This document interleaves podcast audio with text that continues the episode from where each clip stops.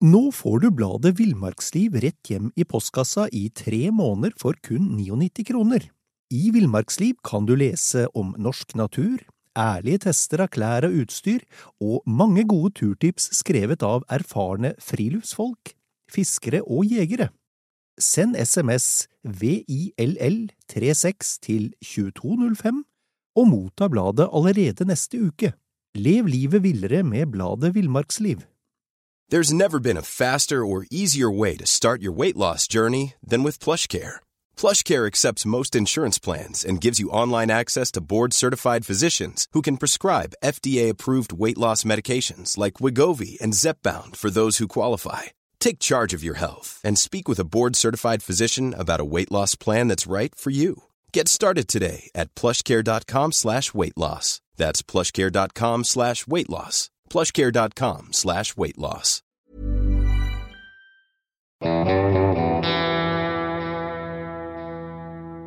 Velkommen til podkasten Villmarksliv. Mitt navn er Knut Brevik, og jeg er redaktør i Villmarksliv, jakt og alt om fiske. I dag skal vi snakke om bjørn. Eh, og med oss i dag er pensjonert bjørneforsker Jon Svensson. Jon, du ledet det skandinaviske bjørneprosjektet fra 1991 til 2018. Og for å være ubeskjedne, så er det ikke mange i verden som vet mer om bjørn enn deg. Når starta din interesse for viltforskning og, bjørn? Tja, det er et vanskelig spørsmål. Jeg kommer fra Montana i USA. Montana har, eh, er så stort som Norge pluss Danmark og har Stor-Oslos befolkning. Så veldig god plass, veldig mye vilt og fiske og villmarker. Så eh, Og jeg vokste opp på en gård. Vi hadde dyr, så interessen kanskje for dyr begynte med mine sauer og, og sauehunder. Og så gikk det fort over til fugler og pattedyr og så videre. Når det gjelder spesifikt bjørn, så, så har bjørn en veldig stor symbolverdi i Montana. Det er uh, vår delstatspattedyr er uh, grizzlybjørn. Og jeg vokste opp ikke langt fra Yellowstone nasjonalpark. Vi var der mye også bjørn. Jeg husker ikke første gang jeg har sett bjørn. Nei, nei. Men um, det er nesten vanskelig å vokse opp i Montana uten å ha en interesse for bjørn. Eh, og, og, bjørn har en veldig sånn positiv uh, anseelse i, i, Montana. Ok. Mm. Da, da, vi gikk opp trappeoppgangen her, så kunne jeg ikke unngå å legge merke til en flott utstoppa bjørn som hang der. Eh, mm. En svartbjørn. Um, har du jakta bjørn? Ja, det har jeg. Ja, svartbjørn, da. Ja, ja. Ikke grizzlybjørn. Um, men så begynte jeg et prosjekt og, og fanget uh, bjørn for et uh, forvaltningsorientert uh, prosjekt jeg var viltbiolog i Montana. Og, og, så ja, var jeg heldig og fikk ca. 25 stykker, og da mistet jeg interesse for å skyte en bjørn. Ja, ja, ja. Men jeg har jaktet på mye annet. da. Ja, ja, ja. Fanga 25 stykker, Jon, men da er det ikke bare flaks?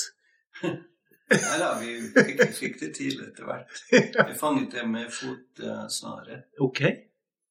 Pluss en puma da, som kom forbi. Vi var ikke etter puma, men vi, fanget en puma også. Ja vel. Um, da du starta ditt virke her uh, for rundt 30 år siden, så, så var det en oppfatning i Norge om at vi hadde sånn om lag 250 bjørner fordelt på 16 bestander, eller hva det var han mente. Du fant ut noe helt annet, du. Um. Ja, det var um, Det var veldig interessant, fordi vi forsket uh, Jeg kom fra Sverige, jeg begynte i prosjektet i Sverige, og, og der er det mye bjørn. Og um, vi uh, Det viste seg at disse observasjoner som folk hadde gjort av bjørn i, i Norge, det startet rundt 1970-tallet. Og det var akkurat da bestanden i Sverige var i, i stor vekst. Og det det var, var at folk så en bjørn her og der, og så kom det inn i lokale aviser og sånn. Det ble telt opp og, og sånn. Og, men um, det var liksom nesten ikke noen dokumentasjon av døde bjørner og spor og sånn. Det her var bare observasjoner. Og, og vi um, brukte våre data på, fra radiomerket til bjørner og kom fram til utenom Finnmark så var det kanskje 25 25, ja. bjørn. Sånn gjennomsnittsbjørner, fordi veldig mange av dem var delvis i Sverige, delvis i Norge. Og, og det anslaget ble akseptert av uh, Direktoratet for naturforvaltning. Det ble bråk veldig mye. For det må jo ha skapt ja. ja, sjokkbølger inn i norske forvaltningen. Ja, det ble det. Fordi det Det ble så mye vanskeligere å, å felle en slagbjørn da. Mm. Fordi ja, bestanden var så liten. Men uh, alt som vi har gjort siden, har, eh, har vist at eh, det var nærmere 25 enn 250. Altså at det ikke var en, en gal, gal galt estimat. Fordi nå bruker vi jo gene, genetiske metoder. Mhm. Ja da, så det, det var en litt sånn hard start som bjørneforsker i Norge. Ja, La oss snakke litt om det, fordi eh, rovviltforskning, rovvilt i det hele tatt, setter jo voldsomme følelser i sving. Mm. Um, Ja, var, det, var det like tøffe tak innen bjørne, bjørneforskningen og, og den diskusjonen som det er eksempelvis i ulvedebatten? ja, det var det absolutt. Da var det ikke ulv. Så da, da var fokuset mer på bjørn. Og, og bjørn kom inn eh, fra Sverige, så det var egentlig svensk eh, forvaltning som påvirket situasjonen i Norge. Mm. Og det var ikke så populært heller. Mm. Det var svenske beslutninger. Mm. Men, eh, og vi kunne, vi visste hvor var bjørn i Sverige, så vi kunne forutse hvor man skulle først få bjørn inn i, i Norge, og hvor man kunne da forberede seg. Mhm. Men, men det var veldig vanskelig å få til. Altså, så, så nå ser vi at de stedene hvor bjørn har kommet inn, og mange av de grensenære områder har de bare lagt ned sauedriften Mm. istedenfor å tilpasse seg bjørn og andre rovdyr. Mm. Og ettersom man har gjort det, så er konflikten blitt mindre i akkurat de områdene. Nettopp. Um, men ja, det Og spesielt å komme fra Montana, hvor bjørn hadde hva skal vi si en positiv anseelse. Og jeg vokste opp på en sauegård. Ja, ja, ja. Men, og det, det var da mer sau enn folk i Montana. Men man passet på sauene sine mot rovdyr, fordi det er masse rovdyr i Montana. Så det, det var ikke den samme uh, motstand. Og så kom jeg til Sverige, og i Sverige så hadde de har en ja, 400 000-500 000 sau, men de er i Sør-Sverige og er i inngjerdede områder, så de har heller ikke noe stort problem. Så, så overgangen mellom Montana til Sverige var, var ikke så stor i forhold til folkets ja, Nei. syn på bjørn. Men fra Sverige til Norge var det veldig stor mm -hmm. I, I Montana ble gje- gjette med gjeter man eh, der? Er det Ja. det? Ja. Ja, tar det inn på natta og, og så nå, og noen områder så har man også fjernet sauene fra beiteområder i nærheten av uh, Yellowstone nasjonalpark f.eks. For eksempel, fordi man vil øke grizzlybjørnbestanden, og da for å um, være sikker på at det ikke var konflikter, så flyttet man sauebesetningen til annen beitemark, da, som var på offentlig uh, beitemarker. Ja. Så man gjorde det også. Men det var oppe i fjellene så var det gjeting var Mm. akseptert. Det gjør man ennå. Ja. Først og fremst uh, søramerikanske sauegjetere som kommer opp på, på sommeren. Et ja, baskisk avstamning. Ja vel. ja vel. Ja. Det er de som de får en spesialvisum gjøre. For det, du, det, du, sier, og erfaringen også viser at det å, det å ha sauer på fribeite i rovviltområder er en krevende øvelse. Ja, det er det. Mm. Eh, I, i, forhold til, I, forhold til, den starten av jobben din, holdt jeg på å si, hvor du, hvor du fastslo at det var vesentlig færre, færre bjørner i, i, Norge enn det alle trodde, faktisk bare en tiendedel, um, så, så um, så gjorde du også oppmerksom på, på dette med leveområdene for, en bjørn. Mm. At de var um, Kan du si litt om det? Mm. Ja, vi Altså, det var veldig mye arbeid og, som ble lagt ned for å, å se hvorvidt den skandinaviske bjørnen var lik eller ulik den nordamerikanske grizzlybjørnen. Fordi det var ganske mye forskning på grizzlybjørner.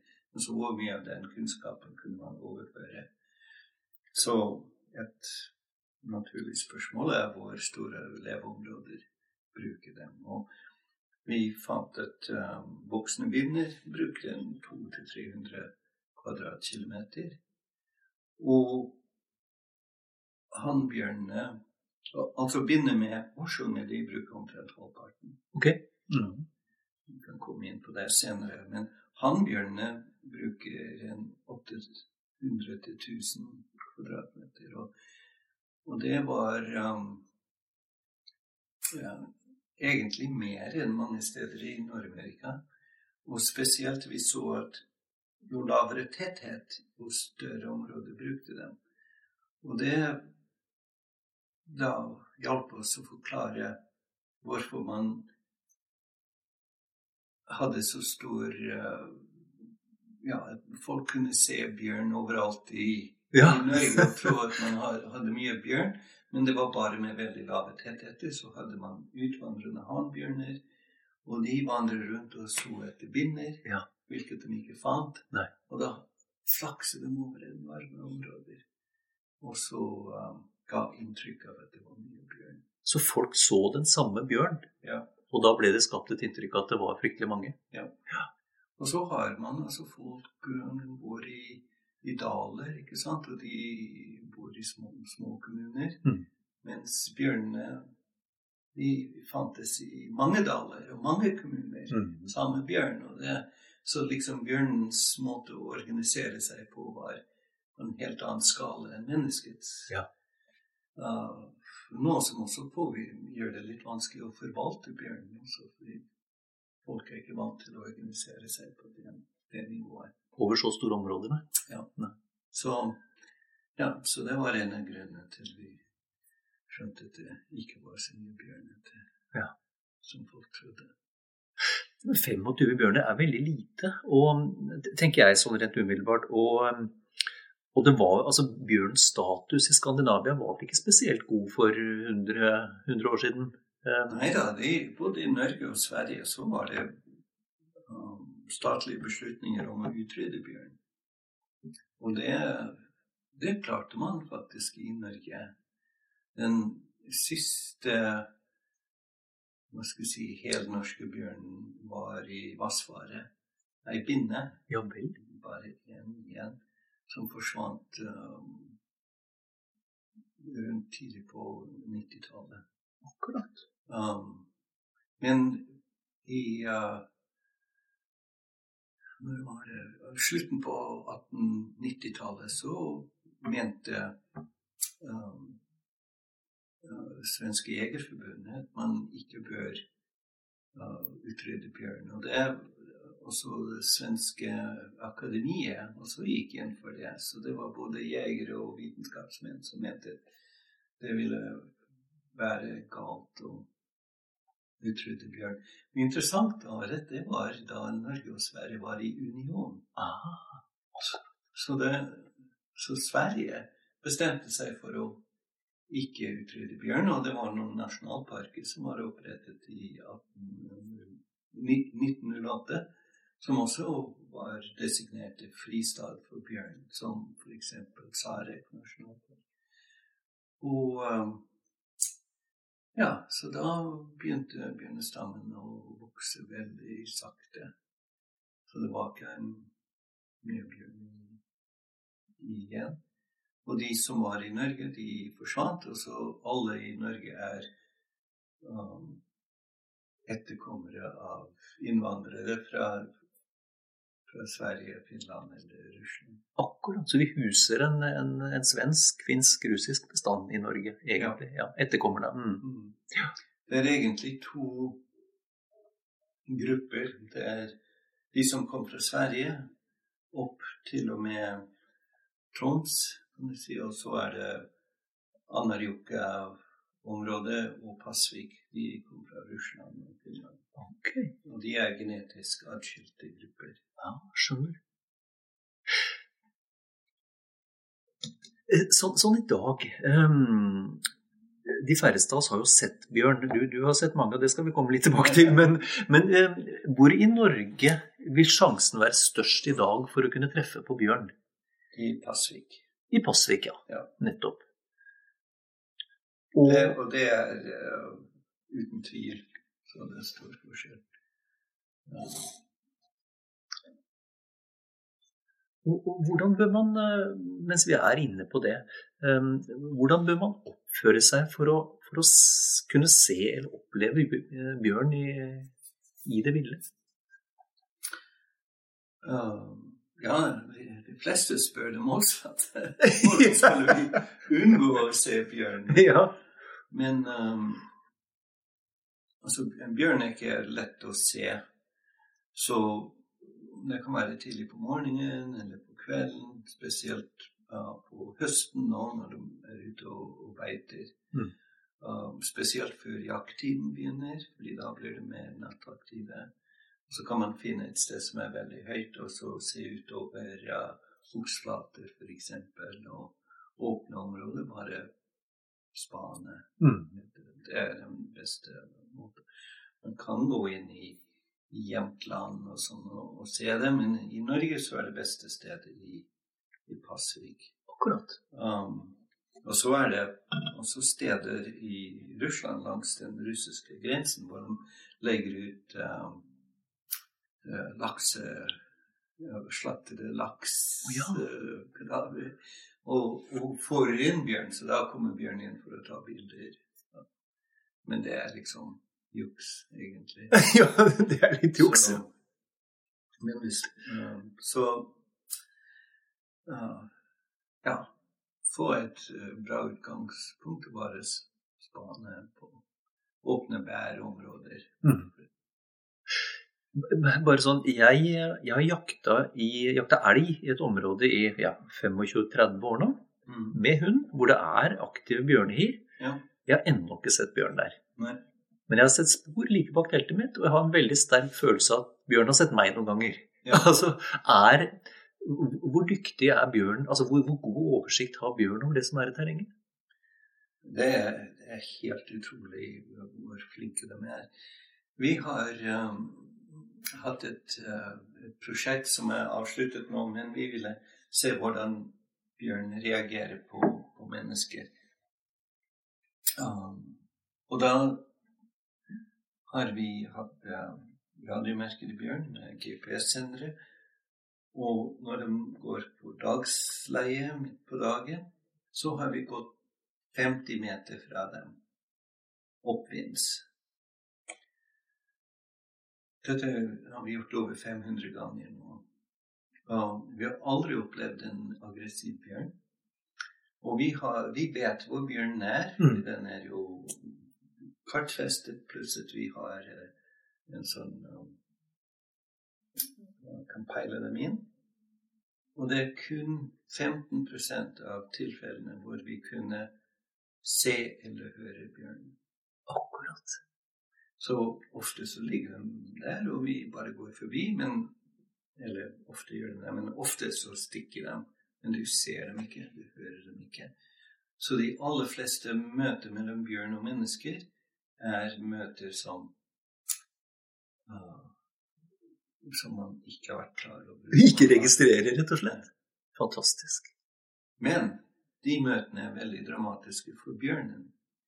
Så de stikker over en kilometer, halvannen kilometer i snitt. Og så legger de seg ned i tett terreng for å unngå mennesker. Og så endrer de atferd i to døgn. Og de blir mer nattaktive, som tør ikke gå ut når de andre går ut og begynner å, å beite. Og du verden. Så det her er veldig dramatisk for bjørnen. Så, så, så, så den bjørnen som, som, veldig mange av eh, oss går rundt og er redde for, den blir skrekkslagen den, når ja. han eh, oppdager eller lukter et menneske? Ja. Du verden. Og det er eh, når vi har spåret dem på vårsnø, når det var spor, bra sporingsråd på våren, da kunne man se hvordan de, de gikk um, på ja, bare gikk, og så skulle de legge seg, og da tok de, laget en krok og la seg ned ved siden av sporet, og, hvor drage, vinddraget kom fra sporet ah. til dem. Så, så, de kunne være klar over om noe fulgte etter sporene deres. Det er jo en strålende strategi for å ha full kontroll på terrenget rundt seg. Ja. Ja. ja. Nei, så de um, Men det er sant, de må overleve i et menneskedominert landskap, og det har de klart. Mm. Og når vi i mange, mange generasjoner prøvde å utrydde dem, mm. så nå har vi De som vi har igjen, er de hva skal vi si, etterkommere av de som overlevde det utrydningsforsøket. Nettopp. Så bare det her, det her blir, vet jeg høres patetisk ut, men det er nå en gang en av, få, en av, mine få opplevelser med bjørn. Og da sov jeg. Men, men, den gangen hvor vi hadde bjørn bak teltet, den passerte altså teltet. Vi så jo sporene neste morgen i, i, i snø. Det var i oktober. Mm. Um, da hadde passert på en 30-40 meter. Jeg hadde med meg en elghund. Og elghunder er vanligvis ganske, ganske, skarpe. Så jeg tenkte i ettertid at den bjørnen må ha bevega seg uhyre forsiktig. Ja, ja, nei, det er litt vanskelig å bedømme. Selvfølgelig. selvfølgelig. Mm. Men, men de er jo solganger, ikke sant, som kan gå ganske stille. Ja, ja, ja. Men så er det ikke sikkert. Det kan hende bjørnen din, eller hunden din, er litt redd for bjørn òg. Mm. Og ikke ville lage mye bråk. Mm. Vi må snakke litt om det der med redsel. Um, redsel for bjørn. For det er man kan, man kan, si hva man vil er, og mene hva man vil, men det er veldig, veldig mange mennesker som, er, som er, er redd for bjørn. Og som, og som, du merker at det begrenser på en måte aktiviteten med friluftslivet deres. De ja. tør nesten ikke å gå på bærplukking. Ja. For, og, og, man kan si at det er irrasjonelt, men, men holdt jeg på å si hva, hva tenker du? Nei, man skal absolutt ha respekt for bjørn. Og det, folk blir jo skadet av bjørn omtrent én uh, person per år i Skandinavia. Men de aller fleste i Skandinavia er jegere. Mm. Og de er um, Vårt inntrykk og Vi har snakket med alle de i en 30, 30. Og de aller fleste er er um, elgjegere som har hund. Og så er de ute på elgjakt med en elghund. Så de tenker elg. Og så får de los inn i tett uh, vegetasjon. Mm. Og så sniker de seg inn så nære de kan for å få et bra skudd på elgen. Mm. Og så plutselig så er det ikke den uh, elgen er en bjørn istedenfor. Og den bjørnen er ganske irritert allerede pga. hunden. Akkurat. Og så er det mange som har skutt på bjørnen på 15 meters hold. Ja. Sant? Har sett dem på 15 meter og fått et av et skudd enda nærmere når bjørnen går til angrep. Um, og da blir det en skadeskutt bjørn i tillegg. Mm. Um, så det er um, jeg tror det er noe som vi har, har faktisk hjulpet uh, situasjonen for jegere. er at gjør det klart over at det ofte kan være en bjørn. Man skal liksom være obs på at At uh, det ikke nødvendigvis er en elg som man er ute etter. Mm. Men uh, en annen situasjon hvor vi ser ganske mange av de som er skadet, er skadet helt i slutten av bjørnens aktive periode. Der er det et par uker, ofte hvor, før de går i hi, hvor de får veldig nedsatt um, funksjon. De blir sløve. Okay. Så den, å, å, gå i dvale, den går veldig sånn sakte. Og det kan være et par kilometer fra hvor de skal gå i, i, i hi. Og da Jeg har jo beskrevet hvordan de stikker fra mennesker og er veldig, veldig flinke til det. Mm. Men i den perioden like før de går i hi, så er de sløve, og det tolker vi som at de ikke er så flinke til å komme unna. Og da føler de seg litt hva skal jeg si, trengt opp i et hjørne, for å si. Ja. Litt lettere for å gå til angrep da. ja, for da er de i ferd med å skru ned prosessene Ja. sine? Hvilken periode er det? I november, slutten av oktober. Akkurat. Interessant. Det har jeg aldri, aldri hørt før. Så det, eh, og da ser man at det er også en topp i folk som er skadet. Og da har du også jegere, fordi de, da er ikke folk ute for å plukke bær eller lite sopp, kanskje. Men så da er det mest jegere som er ute. Mm. Og så er det noen som blir liksom jaget opp fra hiet av en hund, ikke sant. Mm. Det er enda senere. Men de er de også er sløvet. Så da virker det som de er mer aggressive, fordi de er ikke i UV-sinnen fulle fem. Og så har, så har, eh, har vi vel situasjoner med, eh, med byttedyr hvor bjørnen eh, ligger på kadaver, eller Mm. Utgjør det noe særlig av disse Ikke så mye Ikke så som mye. Nei, det er litt mer i Nord-Amerika, hvor bjørnen er mer aggressiv. Men ikke så mye her. Det er noen få som er eh, kanskje med har uh, årsunger, f.eks. Men da snakker vi om situasjonen hvor bjørnen er overrasket.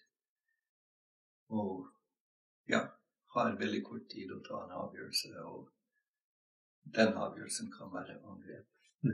Men, men den europeiske, europeiske brunbjørnen er veldig lite aggressiv, egentlig. Mm. Og spesielt i forhold til den i Nord-Amerika og Asia. Så dette, dette er jo med andre ord eh, Dette med aggressiv, aggressiv bjørn, eller bjørneangrep, er nesten utelukkende et problem knytta til, til jakt og jegere om høsten.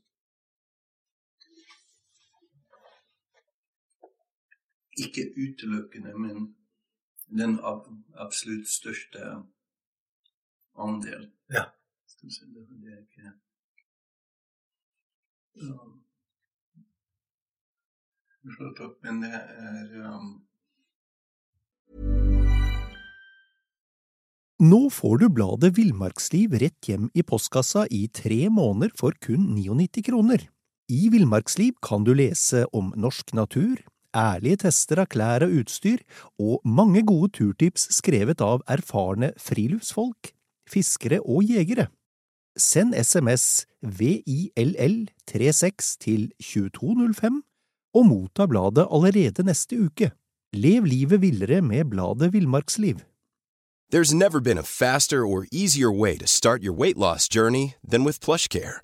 PlushCare accepts most insurance plans and gives you online access to board-certified physicians who can prescribe FDA-approved weight loss medications like Wigovi and Zepbound for those who qualify. Take charge of your health and speak with a board-certified physician about a weight loss plan that's right for you. Get started today at plushcare.com slash weight loss. That's plushcare.com slash weight loss. plushcare.com slash weight loss. Vi, vi har f.eks. Uh, sett på en 30-årsperiode. Og um,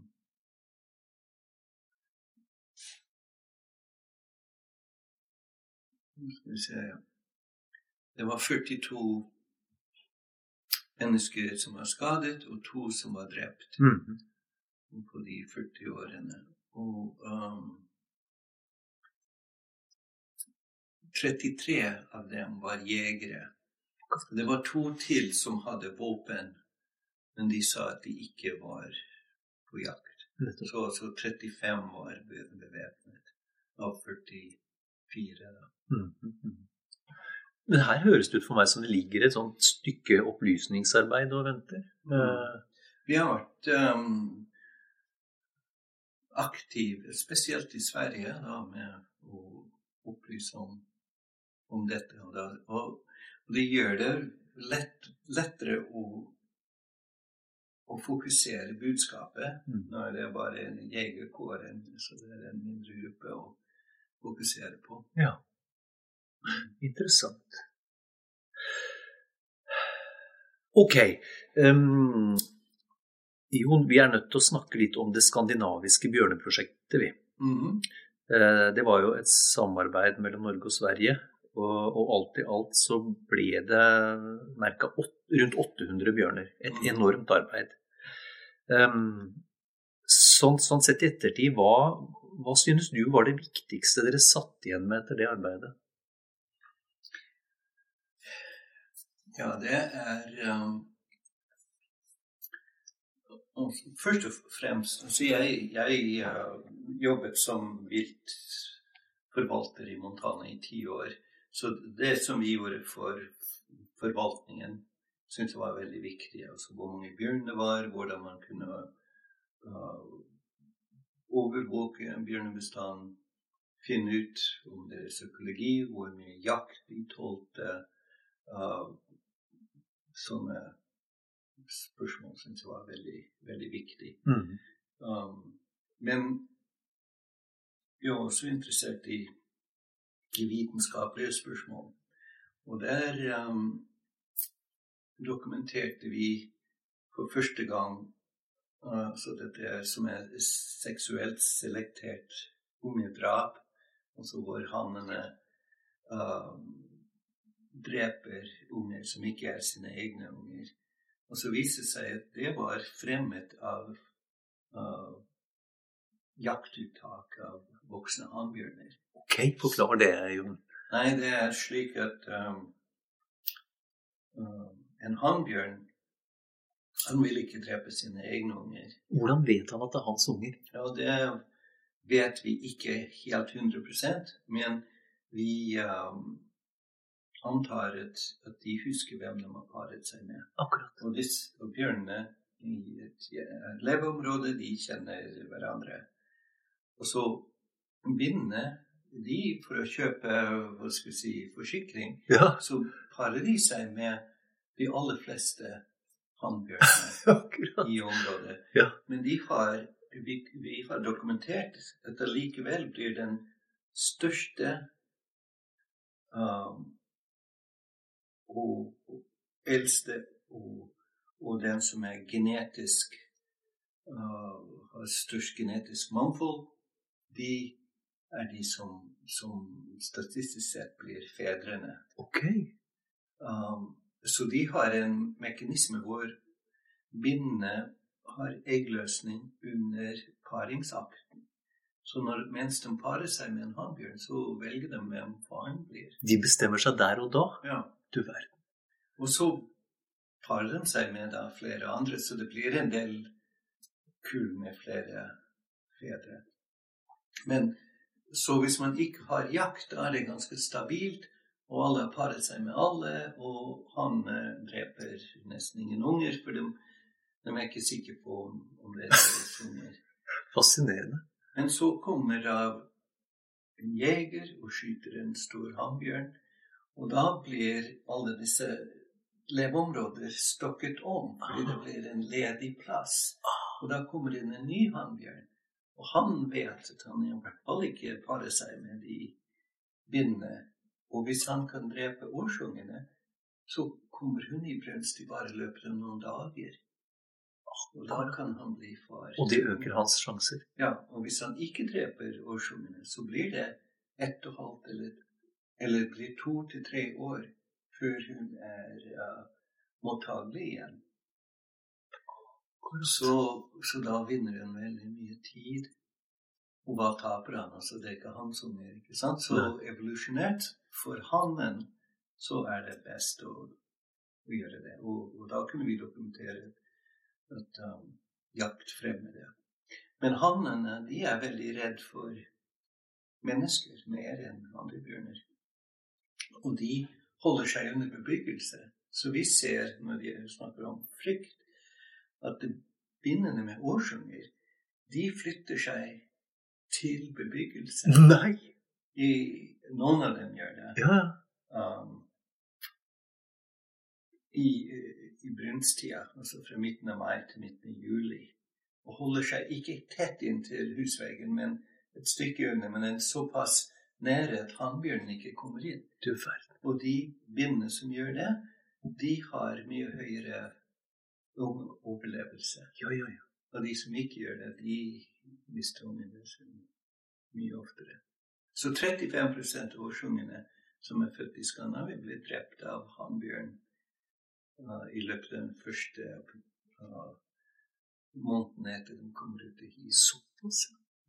Så, så, det man kan si da, er at med, med, med forholdsvis stor grad av sannsynlighet, så ved å skyte en bjørn, så tar man sannsynligvis med seg flere bjørner i samme smell, da. Ja. Selv om bare én tas av kule, så ja.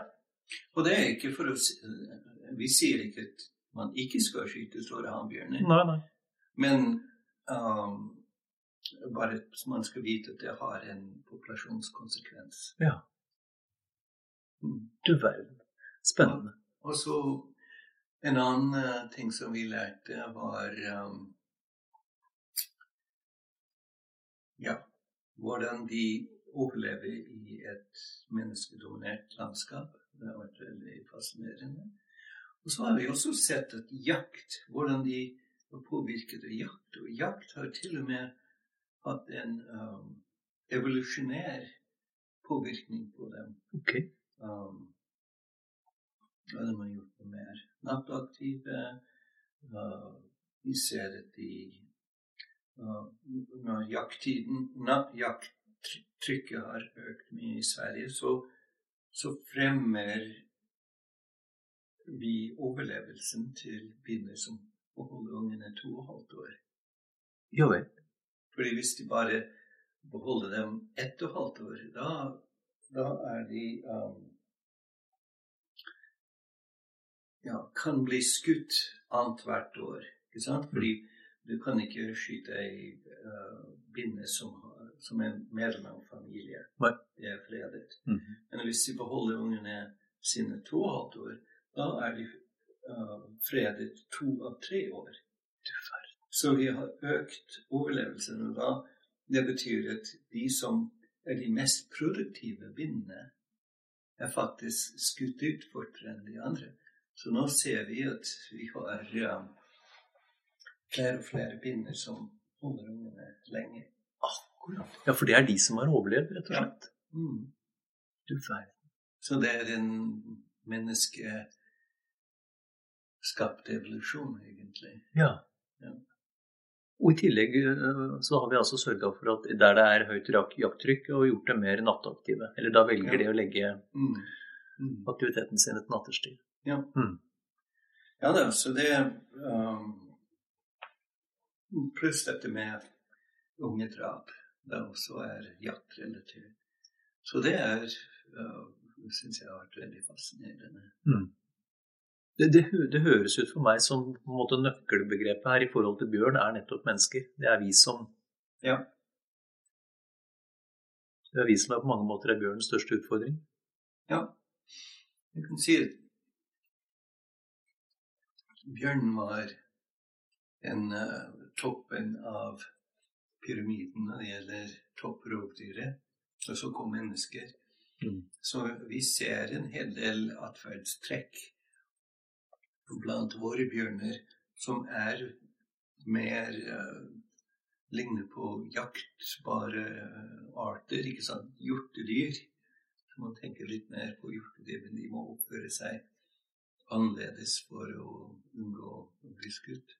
Noen type fluktreaksjoner og Mm. Ja, så- så må de ikke gå ut på de beste bærmarkene hvis de er for uh, åpne, f.eks. Mm. Åpent terreng. Mm.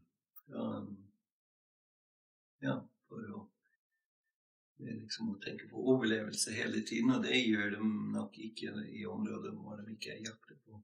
Nei.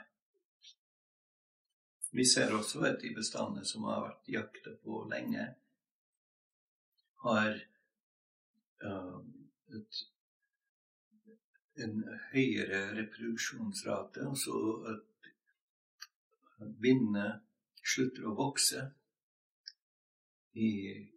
tidligere, og heller bruke den energien på å føde unger.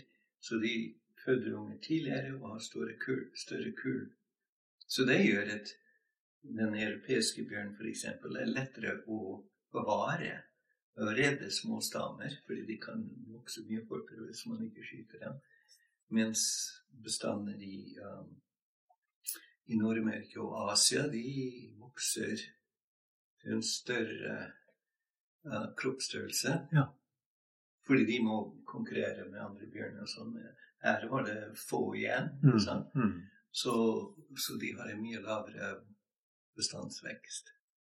Så, så, så våre, bjørn, våre bjørnebinderskier de, de kompenserer for, for uttak av bjørn og produserer Ja. flere unger Ja. på, på bekostning av egen vekt.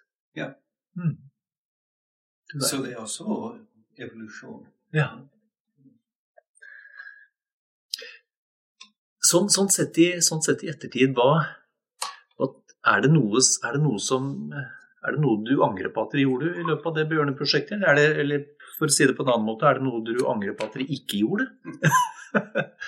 Jo, det er alltid noe. Nå har vi vært veldig framgangsrike. Altså, vi har produsert nesten 300 vitenskapelige artikler. Mm. av 36 uh, doktorgrader og over 100 mastergrader.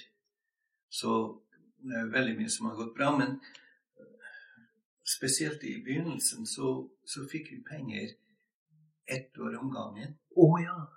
Så det, liksom, det var ikke den langvarige prosjektet som, som det er blitt. Og heldigvis så har vi jobbet i en sånn langvarig ja, måte, da, med håp om at det skulle bli som det ble. Men om jeg hadde visst at det skulle vare så lenge som det gjorde, så, så ville jeg ha absolutt satt i gang en overvåking av uh, mattilgangen, spesielt bær, bærforekomsten, fordi det er så viktig Mm. for reproduksjon og vekst og, og sånn. Og det, det har vi gjort nå, men og vi har hatt litt sånn innsatser om hva de spiser. Og for 20 år siden så hadde vi tre år av, med masterstudenter som konsentrerte seg på hva de spiste, bare for å dokumentere. Og nå har vi begynt å gjøre det igjen, og så viser det seg at for 20 år siden så var krekling en veldig viktig føde. Det viktigste er blåbær, nummer to er krekling, og den er viktigere når det er lite blåbær. Mm. Nummer tre er tyttebær. Mm. Og nå får vi Nå er kreklingen borte Mm. fra dalerne, Gävleborg, Hedmark. Så de spiser Det er lite krekling i, i skogen. Spiser nesten ikke krekling. Og hvorfor det? Er det klimaendringer? Altså krekling er en årlig art. ikke Mm. sant? Mm. Um, så nå har vi bare liksom noen data her og der. Hvis vi hadde hatt langvarige serier, så ville det vært bedre. Men og Vi snakket om det også, men vi tenkte ja, skal vi sette i gang en serie om prosjekter. Og det var to ganger det ble besluttet at prosjektet skulle legges ned i den perioden. Såpass, ja. Ja, og da kunne vi argumentere for at det var visse ting vi burde prøve å, å få svar på mens vi hadde disse merkede bjørner, og det var det aksept for. Og så. Så det er egentlig forvalterne som har finansiert mesteparten av prosjektet. Mm. eh, I, I både Norge og Sverige. Som det har vært et samarbeidsfinansiering. Så, så. Ja, så det er noen Det er litt synd at vi ikke visste at den skulle vare over 30 år. Men du, jeg blir nysgjerrig når du sier krekling forsvinner. Hva slags, hva, slags, hva slags, konsekvenser ser du for deg at det kan ha for bjørnene? Ja, hvis du har et år med når blåbær uteblir, mm. stort sett, mm. ja, da har de ikke noe annet å falle tilbake på enn tyttebær da, som ikke er så søte, og, og de åpenbart ikke foretrekker Nettopp. Så det må være en fordel å ha disse to arter å, å spille på. Mm. Og hvis du går opp til uh, Vi har sett på hva de spiser i Jämtland og Nord-Trøndelag, og også oppe i Pasvik. Mm. Og der er krekling det viktigste været. Okay. Så krekling er viktig. Mm. Så da har vi en viktig art som ser ut til å ha blitt borte fra dalene. Um, og, og, så vi vet nå ikke konsekvensen av dette. Nei, nei. Så det er en ting jeg ønsker vi hadde fulgt med på. Mm. Det her med, med, med bær og, og, og, mattilgang det er jo viktig, ikke minst når bjørn forbereder seg på å gå i hi. Og vi, vi må snakke litt om det, det her med, med dvale, Jon. Mm. um, i motsetning til, til, til, ulv og jerv og gaupe, så går jo bjørn i, i hi. og hvordan, hvordan, forbereder han seg på den perioden? Du har jo nevnt litt det, dette med at den siste 14 dagen at han da åpenbart er litt sløvere eller mindre. Ja, ja bjørn er da veldig spesielt um, på den måten. Og vi har jo sett på dette fra en økologisk uh, standpunkt. Sett på at de begynner å spise. De kan spise 17-18 timer per døgn. Vi går i en periode når blåbær blir moden, som heter hyperfagi. Altså hyper er jo mye, mm. og fagi er å spise. Akkurat. Så de liksom Det er det de innstilt på, å spise. Og da ser man også hvis de dreper en sau, så spiser de ikke kjøttet på sauen. De spiser brest, brystfettet og jur og sånn, fordi det er det fett de skal ha. Mens i, i Sverige så har de ikke sau, så da spiser de stort sett bær. Og, um, og, og for sukkeret da blir omdannet til fett. Mm. Og de, de kan spise en tredjedel av deres vekt per døgn. og tupper I bær. Og da går de opp um, 30-40 i, i vekt, så de er overvektige når de går i hi. Med veldig høye kolesterolnivåer også. Ja. Og finner dem en, en død elg, da prøver de også å spise fettet, så de er veldig sånn matdreven da. Um, ja, så det er det de gjør. De mm. spiser. Ja. Men så når jakttida begynner, som jeg sa, da spiser de mindre.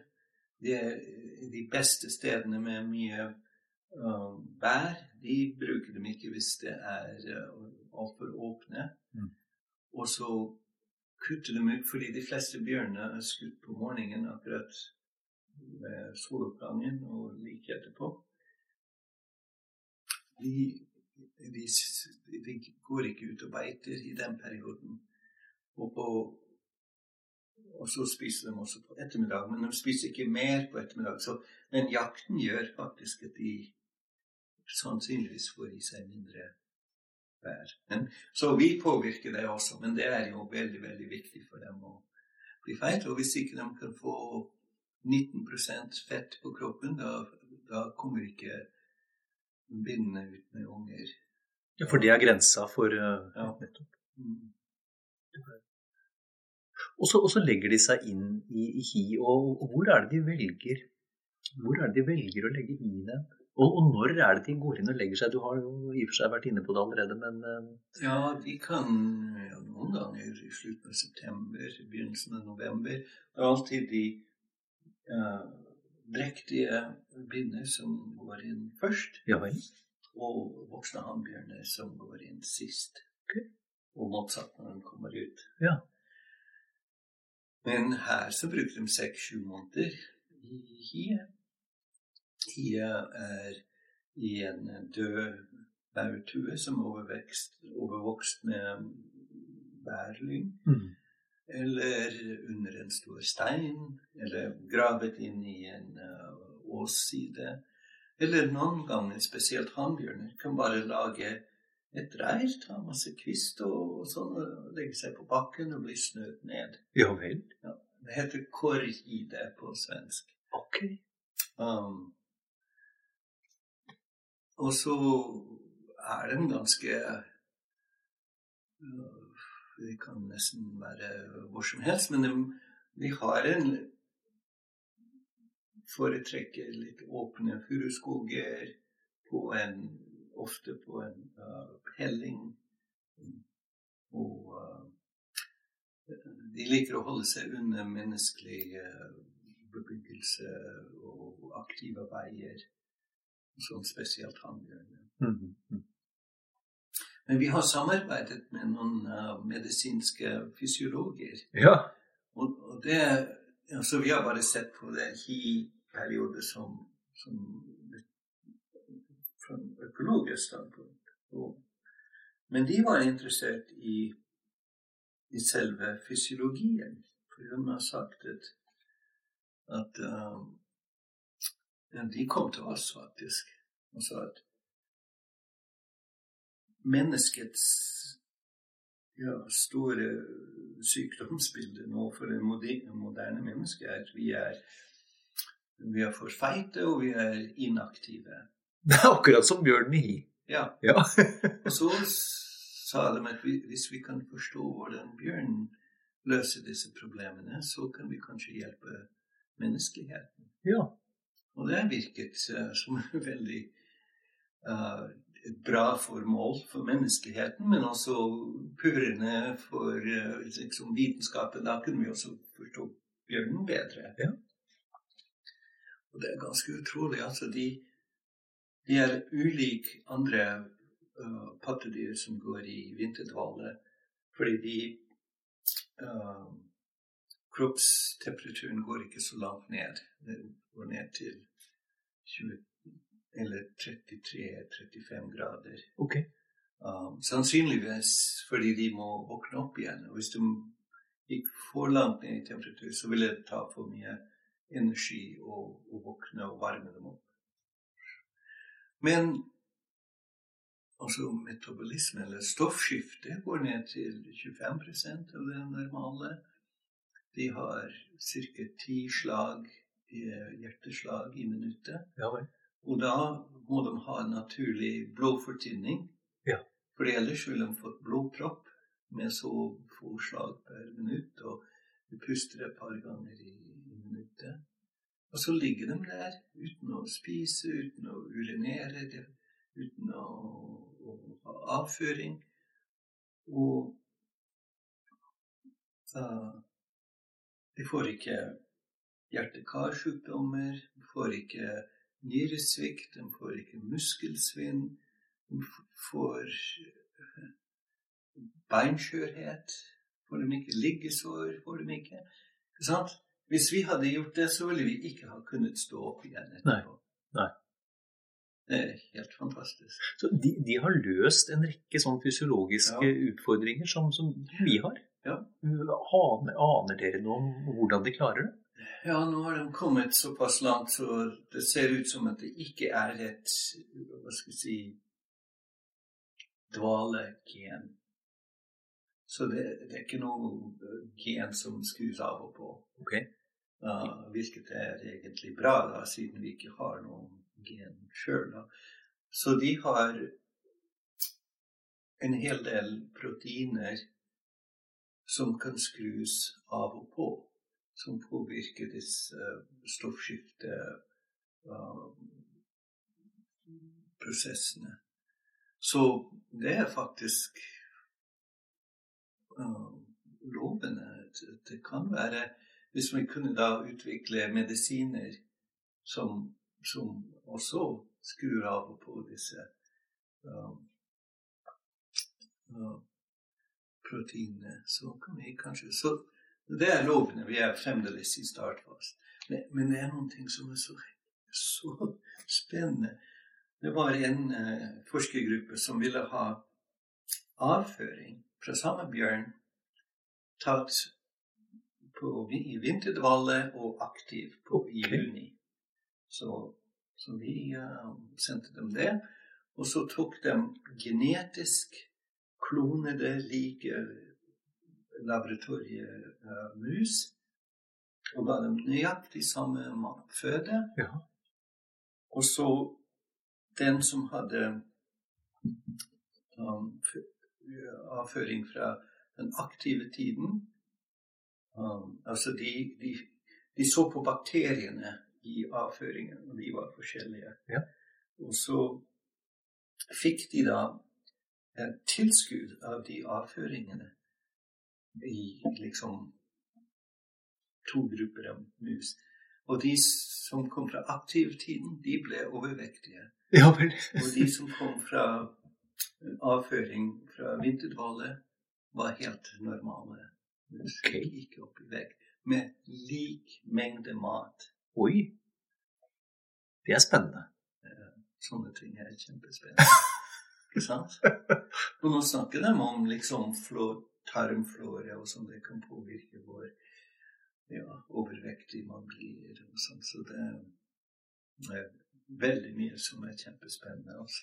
Her høres det ut som det ligger mye, mye gøy i åra som Ja. kommer. Ja da. Så jeg håper de eh, Ja, men jeg vet at de går videre. Vi har til og med fått litt uh, finansiering fra den franske romforskningsprosjektet. Ok. blir ikke sant, en astronaut, og så må være stillesittende, Ja, ja, ja. lite aktiv og, og um, ja, hvordan uh, Muskelsvinn og og, Beinskjørhet. Og beinskjørhet og alt, hele pakken. Akkurat. Så de er også interessert i det. Det er Fascinerende. Men du, en ting jeg lurer på, Jon. Um, drektige binner de, de føder jo også nekkelinters, så vidt jeg forstår. Ja. Altså, hva- hva skjer da? Våkner de, og så føder de, og så sovner de igjen? Eller hva, hva er det som skjer egentlig da? Altså, det, bjørn er veldig spennende, fordi det er de eneste pattedyr som føder under vinterdvale. Og, og hele prosessen begynner i, som sagt, midten av mai til midten av juli. Da har de paringstiden da, spesielt, så de blir, blir drektige da. Men så får de da noe som heter blastocyst, som er egget deler seg noen ganger, og så stopper det og går i dvale i livmora. Og så er det da rundt 1. desember, etter bindet har gått i, i, i kie, da forplanter en, en, seg i, i livmora og begynner en vanlig utvikling. Så det er en, en, en um, utsatt En slags forsinkelse av graviditeten? altså. Forsinket uh, forplanten uh, Hva heter det? Den fester seg til, Ja, ja, ja. til livmora. Ja. Så um, Og der er det ganske mange pattedyr som gjør rådyr, f.eks. også. Men um, så er mora veldig urolig i den tiden. Hun er drektig, hun er drektig bare 56 dager. Okay. Um, så det kan være veldig forskjell i tiden de går med bare det blastocyst. Men etter den har festet seg til livmora, så er det 56 dager. Og hun er dobbelt så aktiv som en som ikke er drektig. Så vi, vi har jo sendere på disse bildene. Vi kan se om de er drektige eller ikke. hvor aktive de er. Akkurat. Så det er noe urolig, og de liksom beveger seg mye, og så føder de. Og da er, går, forsvinner den uroligheten. Så da er de like hva skal jeg si, inaktive som de som ikke er drektige. Så ja, da sover de, og ungene dier og sover, og vi, vi, vi tisser og bæsjer, holdt jeg på å si, sånn som normalt. Ja, for, for de eh, ungene går ikke i dvale. De er i akkurat De er ikke i dvale. Nei. Men du vet, det er viktig for mora, fordi hun om hun skal gi og bære dem frem som normalt, da må hun bryte ned alle uh, deres avfallsstoffer mens hun ikke drikker. Ikke og så må hun bryte ned muskelmasse for å gi dem proteiner osv. Så, videre. så Så det er mye bedre for henne rent fysiologisk å, å uh, gi dem melk. Og, og, den melka har en god del proteiner, men også veldig mye fett. Og da slipper hun den belastningen på kroppen og bryte ned de avfallsstoffene. Så hun produserer melk mens hun sover? Ja. Mens barna, eller eh, bjørnungene, de dier henne? Ja. Og holder seg da tett inntil moren? Ja, ja for varme og sånn. Og de, de, er født på størrelse av et kanin eller et uh, ekorn. Så de er um, noen av de minste ungene i forhold til moras størrelse blant pattedyr. Ja. Eller ikke hvis vi ser bort fra pungdyr. Da. Fantastisk. Og, og, hva er det som, enten det nå er, er hannbjørn eller, eller binne med unger, hva, hva, er det som gjør at de vekkes igjen? Ja, det er også interessant. Vi har uh, forsket litt på det. Det ser ut som at de går i hiet når det blir kaldt og snø. Og så, så påvirker det når de går i hiet. Men så mot uh, slutten av uh, dvaleperioden så begynner de å, å få å vekkes på en måte, og, og, kroppstemperaturen begynner å øke. Og det ser ut som at det bare blir for varmt i hiet. akkurat. Så da går de ut. så det er en veldig gradvis oppvarming. Ja orker de ikke å være i den varme hiet lenger. Jeg må nesten spørre deg Du har møtt, du har møtt bjørn veldig mange ganger. Har, har, du noen gang vært redd i et bjørnemøte? Ja, jeg har hatt mange bjørnemøter, det er riktig. Men jeg har faktisk aldri vært i en situasjon hvor jeg var redd. Nei. Um, Heldigvis, får jeg si, men jeg har ikke det. Nei. Jeg, um... mm. Og så må vi eh, Det klassiske bildet av bjørn eh, i, i, alle sammenhenger hvor det, skal, eh, hvor det, skal, illustreres noe dramatisk, er en bjørn som reiser seg på to bein. Mm. Og hva betyr egentlig det, Jo, når bjørn reiser seg på to bein? Skal, er det da i ferd med å angripe deg? Nei. Nei, bjørn er um, sånn som hunder. De har en veldig, veldig bra luktesans og litt dårligere um, syn og bra hørsel. Mm. Og hvis de skjønner at det er fare på ferde, og liksom er veldig sånn usikker på hva det kan være, og hva, da står de opp de kan se litt bedre, men først og fremst så får den bedre luft, vind, ikke sant? Da kan de um, lukte hva det kan være. Og så hvis du ser en bjørn stå på to bein, så er det veldig bra å gi deg til kjenne. Klappe hendene eller si 'Her er jeg, Bjørn'. Ja. Fordi da da altså Bjørn skjønner at det er noe, og så OK, da er et menneske der. Nettopp. Og da har jeg disse fluktrutene her og der. Men man skal ikke springe. Ikke sant? For å springe fra et rovdyr, det kan utløse en sånn attakk. Ikke sant? Nettopp, nettopp, ja.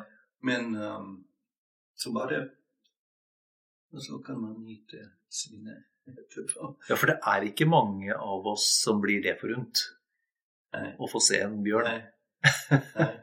Jeg så en bjørn en gang um, akkurat på, på uh, grensen mellom Jämtland og Trøndelag. Og da og så, så vi dem bare et, et, øyeblikk, og så sprang den rundt en liten kolle. så da sprang vi rundt den andre sida ja. for å se om vi kunne se, se den. Og da sprang den ut på en myr og, og gjorde akkurat det, stå på to bein. For å si ok, nå har jeg sprunget un under dem. Ja. Er de etter meg, liksom? Mm. For å Altså det er min tolkning, da. Ja, ja, Men um, de vil uh, Og det ser man også, har jeg sett flere ganger, ja, begynner med unger som skjønner at det er noe, eller er usikre, da står de opp og ser, og da blir ungene veldig sånn Mm. obs på mora. Mm. Gå- Du, du som har jobba Du har jobba mange ting, men du, altså, du som har jobba så mye med bjørn, eh, både i forvaltningssammenheng og forskningssammenheng, og hva, hva- er din sterkeste opplevelse med knytta til bjørn? Jeg har to opplevelser som er veldig sterke. Den ene var på 70-tallet, da jeg gjorde min mastersforskning på havørn og fiskeørn i Yellowstone nasjonalpark. Og vi fløy ganske mye i små Super Cub-fly med en, en flyver og, og meg, da. Ja. Og det var for å se inn i reirene til disse ørnene. Ja. Men da fikk vi se masse vilt bison og, og kronhjort og gaffelantilope og fjellsau, og det var helt fantastisk alt vi fikk se.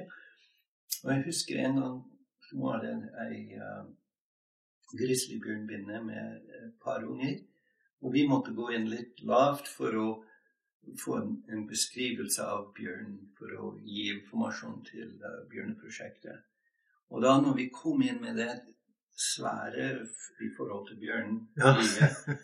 som bråker noe forferdelig, da gikk hun mot oss. Oi! For akkurat som at nå skal jeg beskytte meg ungene, mine unger, og, og, og da ble jeg veldig, veldig imponert altså, over uh, den morsinstinktet og liksom Så det, det husker jeg i dag. Det er tapperhet. Ja, om jeg var kanskje redd noen gang, så var det litt da. Ja, Selv om jeg var i flyet. Jeg tenkte, Hei, den er- det var en modig bjørn. Så, men eh, den andre sterke opplevelsen var i, også i Nord-Amerika, i Katmai nasjonalpark i Alaska, hvor de har disse enorme brunbjørner som, som spiser laks. Og det var en bjørnekonferanse, og jeg dro med uh, to andre fra bjørneprosjektet. Og, og vi fløy med et, et lite vannfly inn til, til, eh, til kysten. Og så gikk vi med en guide. Og disse bjørnene, vi gikk blant bjørnene. Ok. Jeg tror vi så en 30 stykker eller noe sånt. Og de Noen sov, ikke sant? Og andre altså, de brydde seg overhodet ikke om oss. Og, og vi måtte gjøre hva guiden sa da, og hovedregelen var at vi ikke kunne komme nærmere enn 50 meter fra en av disse. Og de var enorme. Og så gikk vi rundt og, og syntes det var helt fantastisk.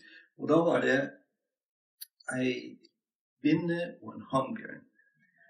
Og, og den binna var åpenbart ikke interessert i hannbjørnens oppmerksomhet. Nettopp. Og da kom hun mot oss. Så vi fikk beskjed om å, å, å gå ned på knærne for å liksom ikke være så truende. Og hun, eh, guiden tok frem pepperspray. Ja. Og så kom hun og gikk bak oss. 15 meter fra oss. Og da kom hannbjørnen, og han var ikke eh, glad for den utviklingen. Og det var helt fantastisk. Han kom også 15 meter og gikk sånn fram og tilbake på stive bein og, og tittet på oss og tilbake og, og uh, slå med kjeften et par ganger. Og var Men det var for å imponere oss og, og liksom gjøre oss Jeg vet ikke. Um, Dere var i veien for tilnærmelsen hans, dere. ja, vi var det. Så hun holdt, så vi var liksom på hver side. Men, men det var ikke aggressivt, men, men det var bare for å vise at han var Det var han som bestemte. Ja. Og så lenge han fikk bestemme, så var det greit.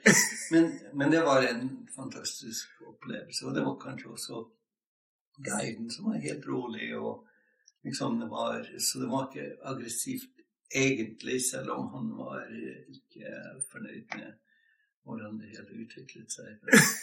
Men det var en veldig sterk opplevelse.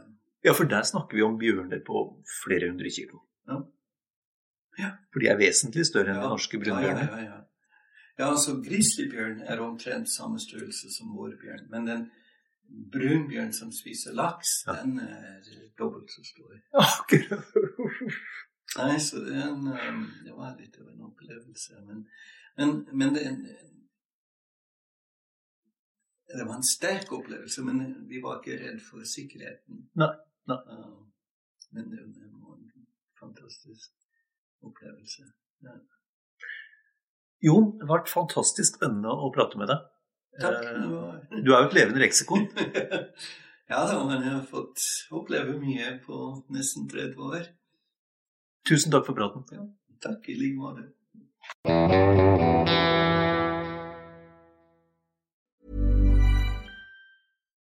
Nå får du bladet Villmarksliv rett hjem i postkassa i tre måneder for kun 99 kroner. I Villmarksliv kan du lese om norsk natur, ærlige tester av klær og utstyr, og mange gode turtips skrevet av erfarne friluftsfolk, fiskere og jegere. Send SMS VILL36 til 2205 og motta bladet allerede neste uke. Lev livet villere med bladet Villmarksliv. Hi, I'm Daniel, founder of Pretty Litter. Did you know cats tend to hide symptoms of sickness and pain? I learned this the hard way after losing my cat, Gingy. So I created Pretty Litter, a health monitoring litter that helps detect early signs of illness by changing colors, saving you money and potentially your cat's life. Pretty Litter is veterinarian developed, and it's the easiest way to keep tabs on your fur baby's health right at home. Go to prettylitter.com and use code ACAST for 20% off your first order and a free cat toy. Terms and conditions apply. See site for details. Planning for your next trip? Elevate your travel style with Quince. Quince has all the jet setting essentials you'll want for your next getaway, like European linen, premium luggage options, buttery soft Italian leather bags, and so much more. And is all priced at 50 to 80% less than similar brands.